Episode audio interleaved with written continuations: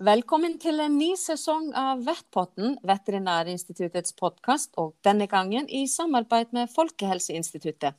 Antibiotikaresistens og feilbruk av antibiotika utgjør en helsetrussel for hele verdens befolkning, men hvordan ser dette ut i Norge? Norm og Normvett er overvåkingsprogrammer som gir oss en årlig status på situasjonen her i landet, både for mennesker, dyr og mat. Nå er fellesrapporten fra Veterinærinstituttet og Folkehelseinstituttet for 2020 klar. Jeg heter Brintis Holm og er programleder for podkasten og kommunikasjonsrådgiver ved Veterinærinstituttet. Med meg nå for å stille spørsmål har jeg også Harald Munitz fra kommunikasjonsavdelingen ved Folkehelseinstituttet. Velkommen, Harald. Takk for det. Og Gjestene våre i denne episoden er seniorforsker ved Veterinærinstituttet og prosjektleder for NOMVET, Anne Margrethe Urdal, og Gunnar Skov Simonsen, som leder Norm, tilknyttet Universitetssykehuset i Nord-Norge og Folkehelseinstituttet. Velkommen begge to. Takk, takk. Takk, takk. Eh, først uh, spørsmål til dere begge. Hva er det som er undersøkt i Norm og Normvett for 2020? Ja, Hvis vi skal begynne med Norm, så er Norm det er overvåkingssystemet for det som skjer hos mennesker. Og I all hovedsak så retter vi oss mot resistens i bakterier som forårsaker sykdom. Og Det kan være mange forskjellige slags bakterier. Vi undersøker det man finner i blod, i luftveisprøver, i urin og sånt. I tillegg så har vi jo masse statistikk knytta til antibiotikabruk hos mennesker. Så det er i stort det vi driver med. Normet det, det skal jo dekke mange dyrearter. Ehm, så, så, vi veksler da mellom hva som undersøkes eh, i de forskjellige årene. Slik at vi på sikt kan dekke opp ehm, ja, både mange dyrearter og også prøver fra mat og, og, og fôr som jo også kan være veldig mye forskjellig. Så I 2020 så undersøkte vi mm, blindtarmsprøver fra, fra slaktekyllingflokker og fra kalkunflokker. Og I tillegg så undersøkte vi prøver fra kyllingkjøtt. Og Da gjør vi mange analyser på disse prøvene. Vi eh, leter etter somotiske bakterier, slik som campylobacter. Men vi gjør også, eh, leter også etter vanlige eller isolerer vanlige tarmbakterier, som vi så resistenstester. Og så leste vi etter spesielle resistente bakterier.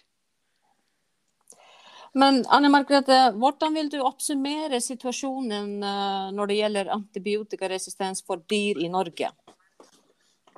Ja, Disse vanlige tarmbakteriene som vi undersøker eh, resistenstester, de bruker vi som en indikator på, på, nivået av, eh, av antibiotikaresistens. Um, og vi ser jo det at på de vi har undersøkt da fra slaktekylling og kalkun, så har vi lite resistens. De fleste av de bakteriene vi undersøker, de er fullt følsomme for alle de antibiotika vi tester for. Vi også, finner også svært lite som er multiresistente, dvs. Si at det er svært få som er resistent mot, uh, mot tre eller flere antibakterielle klasser. Og vi finner kun enkelte funn av spesielle resistensmekanismer som vi er uh, spesielt opptatt av å, å, lete etter. Vi går videre til deg, Gunnar. Vi vet jo at antibiotikabruken, antibiotikakonsumet, har jo en sammenheng med hvordan resistensutviklingen blir. Men i denne rapporten så er det jo faktisk helt oppsiktsvekkende at man har nådd regjeringens strategi fra 2015 til 2021 når det gjelder antibiotikabruk. Hele 32 reduksjon. Eh, er vi kommet i mål, eller er det forbedringsmuligheter? Hva tenker du? Ja, altså, Som du sier, Harald, så eh, har vi jo jobba i en del år for å både å få ned det totale antibiotikabruken, og så har vi også vært spesielt opptatt av noen av det vi kaller for bredspektra antibiotika. Og på totalbruken så lå vi liksom sånn rimelig an. Kanskje ikke helt eh, på streken, men rimelig an. Og så kom pandemien. Og med et pennestrøk så kutta altså Norge sitt antibiotikaforbruk, totalforbruket, med 10 i fjor sammenlignet med årene før. Så helt plutselig er vi faktisk eh, passert dette 30 %-målet som ble satt eh, hvis man sammenligner eh, forbruket fra 2012 frem til da 2021. Så spør du om vi er helt i mål, og der er nok svaret at vi kommer aldri helt i mål. Fordi at det er alltid eh, uh, mulighet for å forbedre bruken. Men uh, som vi har diskutert både i denne rapporten og også i andre fora, så handler det nok kanskje mer om å bruke antibiotika med riktig sort til de riktige pasientene. altså Øke kvaliteten i forskrivninga mer enn å tenke sånn store reduksjoner. Eh, jeg tror, jeg tror, kanskje den, eh, den, suksessen vi har hatt nå, den skal vi ikke prøve liksom å si at ja, nå skal vi kutte tilsvarende i de kommende år. Det tror jeg ikke er realistisk.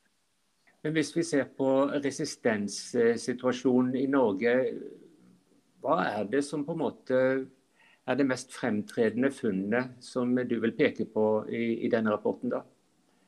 Når det gjelder mennesker? Ja. Ja, altså, eh, det er viktig å huske på at resistens er veldig mange ting. Det er veldig mange forskjellige bakterier og det er forskjellige typer resistens. og Smitten skjer på mange måter. Så resistens er liksom ikke én greie. Eh, den, den, den, i, de, i, årets rapport vil jeg si at det mest bemerkelsesverdige det er at hvis vi snakker om de mest eh, hva skal jeg si, superresistente eller multiresistente tarmbakteriene, så er de og det visste vi, i stor grad importerte. De, de ofte, har ofte en tilknytning til smitte i andre land med mye mer resistens. Og igjen, som en følge av pandemien, så har jo folk reist mye mindre. Sånn at disse veldig resistente mikrobene de er det blitt påvist mange færre av. Og det bekrefter jo uh, denne forestillinga vi har om at for disse, uh, disse, verstingene, der er import faktisk en ganske viktig faktor. Det, det, har vi på en måte fått vist i et sånt storskala eksperiment. På andre områder der, der, går ting litt sin gang eh, innomlands, enten vi, vi, sagt, enten vi reiser eller ikke. Men, eh, men, forventer vi at dette bildet vil endres når etter hvert pandemien klinger av og tiltakene blir eh, mindre fremtredende? Altså jeg tenker på reisevirksomheten, turisme og de tingene der. Um, kan, hvis, vi, hvis, vi, prøver å skille litt mellom eh, reiserestriksjon og det vi tenker mer sånne smitteverntiltak i, i landet, så er det klart at jeg, jeg tror jo nok at uh, folks bevissthet rundt smittevern den tror jeg ikke blir borte, selv om pandemien blir borte. Eller blir mindre uh, viktig. Uh, men når det gjelder akkurat dette med reising, så vil jeg jo tro at folk har, har lyst til å komme ut og reise igjen. Sånn at importen tror jeg nok kommer til å ta seg opp igjen. Det, det vil jeg tro. Men hvor fort og hvor omfattende.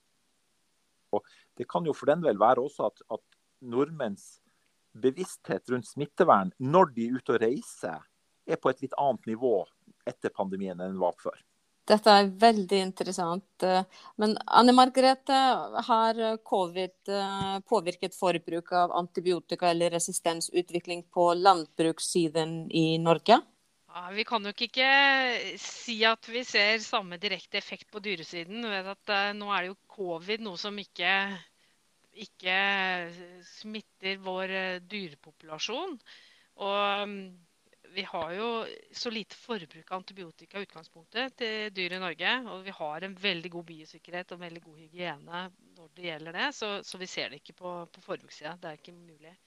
Men vi har, vi har riktignok diskutert, men dette her blir hypoteser, om det har, eh, som, som, Gunnar sier, dette med importsmitte. Vi snakker om importsmitte også på dyresida.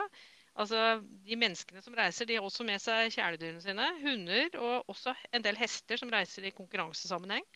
Så det er nok eh, mye mindre dyr som også har vært uh, ute og reist. Så det kan nok uh, Jeg vil nok anta at det også hadde vært mindre uh, av disse spesielle resistensbakteriene som, som, kan tas med fra utlandet. Eh, også på hund og hest. Men det har vi ingen mulighet til å, å måle, for vi, vi, undersøker jo ikke disse på, på, den måten. Og vi har også diskutert vet at for eh, altså MRSA hos gris, der vet vi at de tilfellene vi har hatt i Norge, de har i hovedsak vært starta med introduksjon med smitte fra mennesker som da enten har vært ute og reist, eller at det har vært eh, arbeidskraft fra andre land. Og nå har vi ikke hatt noe funn av MRSAs gris verken i 2020 eller, eller hittil i 2021. Så her er det jo absolutt mulig at, vi, at, vi, at, det, at det, kan være en effekt da, av, av, reiserestriksjoner og karantenekrav. Men uh, vi kan jo ikke si det sikkert. Nettopp. Men uh, hvis vi ikke bare ser på 2020, men uh, de siste fem årene, hvordan har resistensutviklingen vært på dyresiden i Norge? Ja, nå har, vi, nå har vi data som fra 2014 og fram nå til 2020 som er liksom annethvert år for da henholdsvis fjørfe og storfesvin, så vi kan sammenligne direkte eh, med samme metoder som har vært benytta. Og da ser vi at det er relativt stabilt. Både liksom hvis en skal se på prosentvis som er totalt følsomme, eller som er resistente mot én eller to, eller multiresistente, så er det relativt stabilt. Um, Riktignok noen typer antibakterielle klasser som det kanskje er litt mer resistent av, men, men, så er det litt mindre for andre. Så, så det er relativt stabilt. Uh, det som er veldig gledelig, er jo at den eh, forekomsten av disse andregenerasjons cefalosporinresistente bakteriene som, som ja, for 2013-2014 var en del av hos uh, kylling, det er nærmest borte. Og det, det, stemmer. Det er jo samme dataene vi hadde for så vidt og viste i 2018 også. Så viser at de tiltakene som næringen da satte inn for en seks-sju år siden, de er effektive. Og det holder forekomsten nede. Så det, det er jo veldig gledelig.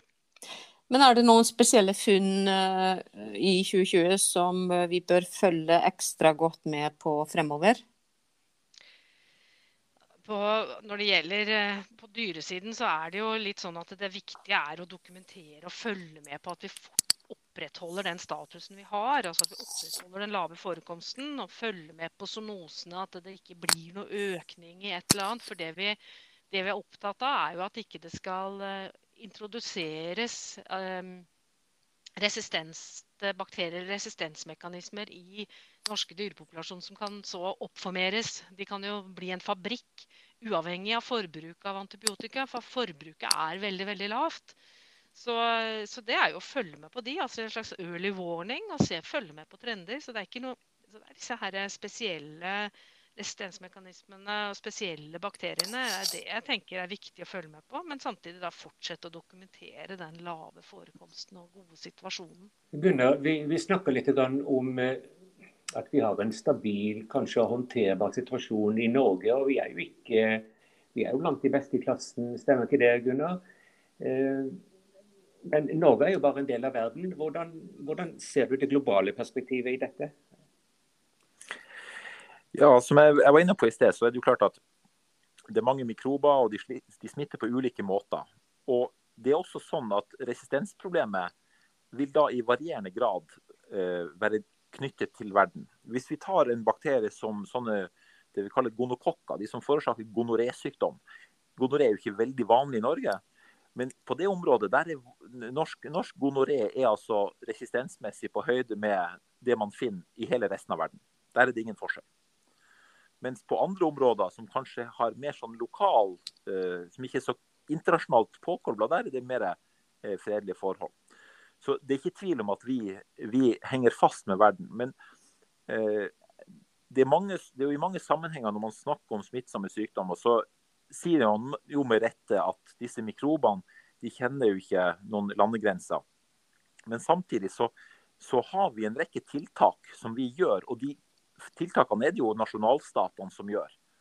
Uh, MRSA, uh, Anne Margrethe var innom MRSA. Vi har jo, altså Det er mange land som har hatt veldig høye forekomster av MRSA. I Norge har vi ligget lavt hele tida. Og det ligger stabilt. Og det er til og med litt på vei nedover når det gjelder MRSA. Og Det viser jo at vi er ikke prisgitt hva som enn kommer der ute fra. I hvert fall på noen områder klarer vi å, å stå imot dette. Uh, når du er inne på det internasjonale, så er det klart vi skal ikke bare bekymre oss hvordan verden ser ut i Norge.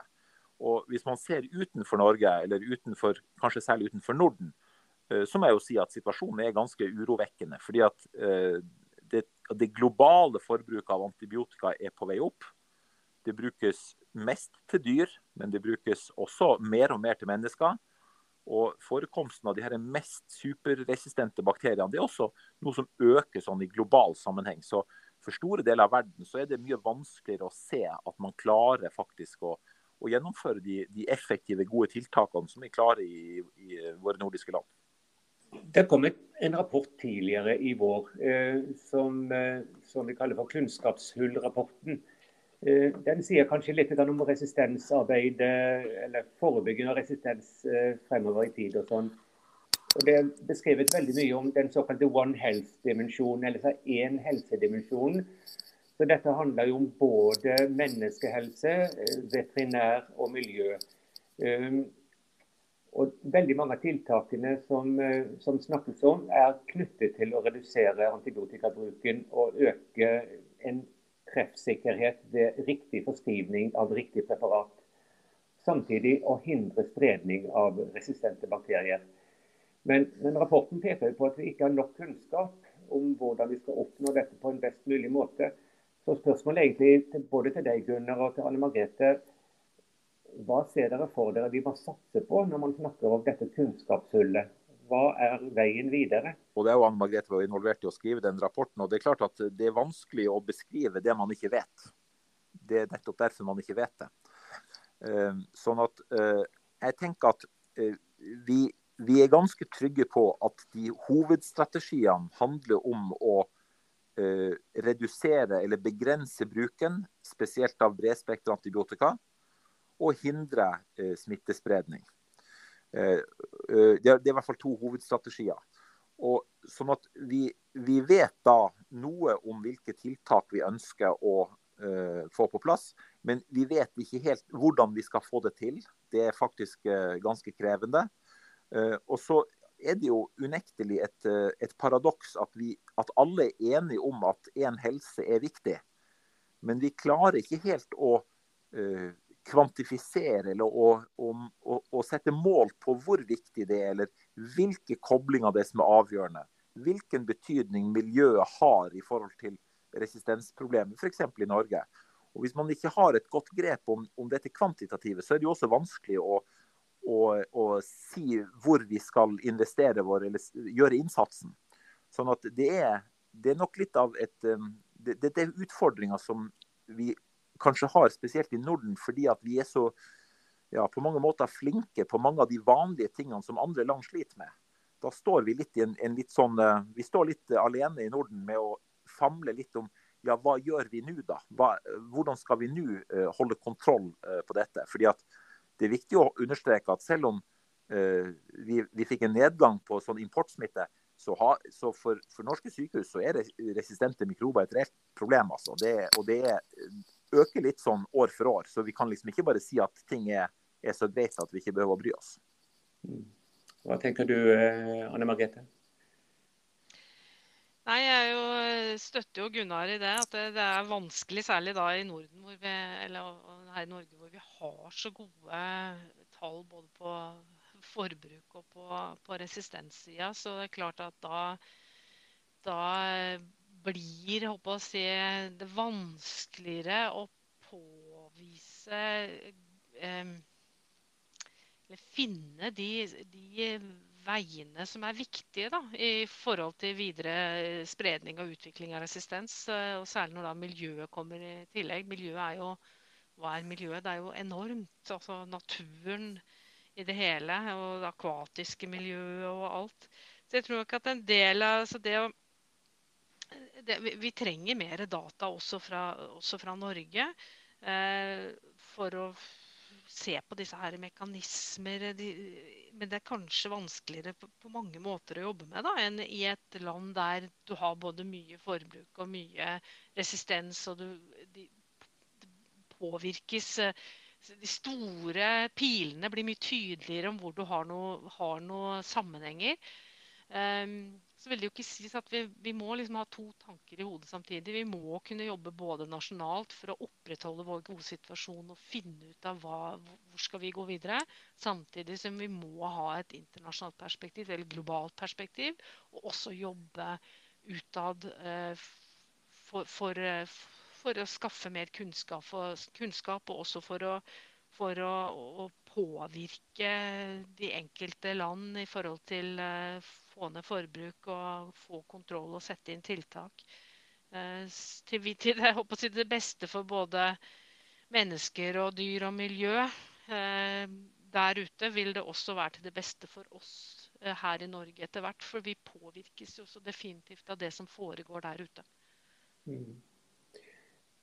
Enkelte fagmiljøer er, er, veldig opptatt av å styrke smittevernarbeidet. Altså, dette er jo et svært uh, og Dette er jo noe som vi på en måte har møtt veldig tydelig gjennom pandemien. ikke sant? Altså Smittevernarbeidet er bl.a. det som på en måte har i hvert fall til en viss grad hjulpet oss uh, et stykke på vei. Hvordan er, eh, er, det en vei å gå for å komme videre? Ja, det er klart at uh, Hvis jeg snakker for, for, for human, altså helsetjenesten, så det er klart at vi som jobber med resistens og smittevern til daglig, vi har jo opplevd at, at det vi liksom tidligere har vært nødt til å rope om for å få litt oppmerksomhet, det er jo plutselig blitt noe som står på forsiden av alle aviser hver dag. Uh, alle barn har lært masse om smittevern. og jeg tenker at det er, en, det er, en, utfordring for oss å prøve å bruke dette momentet som smitteverntenkning har i samfunnet nå. Jeg tror jo at på mange måter tenker jeg jo at vår foreldregenerasjon og våre, besteforeldre de var nok mer eh, oppmerksomme og bevisste rundt en del eh, spørsmål knytta til eh, det de ville kalle hygiene eller smittevern. da, fordi at var de, de, de kom fra en annen tid, og, og smittsomme sykdommer uh, hadde en annen rolle. Og så har vi kanskje sovna litt hen, og så syns vi det er ikke så farlig og sånt. Og så ser vi at det er det faktisk. Um, jeg tenker at vi har en utfordring i å, å, prøve å bruke momentet, bevare kunnskap og se hvordan vi kan, kan bruke dette. Nå var jeg veldig sånn på atferdssida, men det er også klart at det har skjedd mye på, på teknologisida. Hele, det, det, har skjedd revolusjonerende ting på, på vaksinesida. Og vi vet ikke om dette kanskje er noe som kan komme oss til nytte i arbeidet med resistens fremover. Men, men vi må opplagt tenke i de banene. Anne Margrethe, Er dette med smittevernarbeid innenfor uh, veterinærmedisin også et viktig felt, tenker du? Også absolutt. Ehm, nå er jo dette her med bio, så Hvis en tenker dyreproduksjon, så er jo dette her med biosikkerhet og, og, og smittevern og forebygging av smittsomme sykdommer, det er jo, er jo, kjempeviktig. Så har du en helt annen situasjon når du kommer til kjæledyrene våre og hestene våre, som vi jo Kjæledyrene som vi har i senga vår, og som vi eh, ja, du ikke har den, den, tankegangen på. Og så har du dette her med matproduksjonen, hvor jo mat, altså mattrygghet og hygiene der er, er jo superviktig, og som er veldig innarbeida. Og der nok, eh, vil jeg nok tilbake til dette som Gunnar nevnte med besteforeldregenerasjonen vår, som jo nok hadde et helt annet forhold til dette med mattrygghet som visste mye mer om at maten du jobber med på kjøkkenet, den, den kan ha med seg smittsomme agens. Det, det, er en tankegang som jeg tror veldig mange i, som også nå ikke har innarbeida fra, fra grunnen av. Så Eh, så det er kjempeviktig på den sida også. Kanskje avslutningsvis et spørsmål til eh, dere begge. Et kort uh, svar. Trenger vi disse rapportene fremover, eller er det, er det eventuelt uh, Fins det eventuelt en måte å bruke dem enda bedre? Jeg kan kanskje svare først på den. at uh, Jeg mener jo selvfølgelig at det, det er et, et nyttig, nyttig, arbeid. og jeg, jeg, tror, eller Vi får mye tilbakemelding på at de er mye i bruk. Uh, de er kanskje ikke så tilgjengelige for folk flest. Eh, men det er sånn at eh, arbeidet med i forhold til resistens, det, det må mobilisere veldig mange eh, rundt omkring i ulike samfunnssektorer. Og at vi har et, et felles, en felles virkelighetsbeskrivelse og et felles grunnlag som vi så kan bruke i de ulike sammenhengene hvor vi jobber, det tenker jeg er veldig verdifullt. Så det er liksom litt for å, å mobilisere troppene at vi må ha en, en, en god og solid og løpende eh, kunnskapsbase. Ja, jeg støtter det. Og det, det, er sikkert rom for forbedringer. Og det er helt sikkert rom for uh, videreutvikling. Uh, men at de er viktige, det tror jeg så absolutt. Uh, det er viktig å ha den, den bakgrunnsinformasjonen. Hvis vi slutter å lage disse rapportene, så vet vi jo heller ikke hvordan situasjonen utvikler seg. Så det er, det er, kjempeviktig å følge med på for å kunne sette inn tiltak tidlig. da, Dersom det skulle være aktuelt. Da er vi kommet til mål med denne podkasten fra Veterinærinstituttet og i samarbeid med Folkehelseinstituttet. Tusen hjertelig takk til Anne Margrethe og Gunnar. Og tusen takk fra oss i redaksjonen, Bryndis Holm og Harald Muniz. Du finner mer informasjon om norm og normvett på vettins.no og fhi.no. Husk å følge oss på Facebook. Ny episode i Vettpotten kommer snart.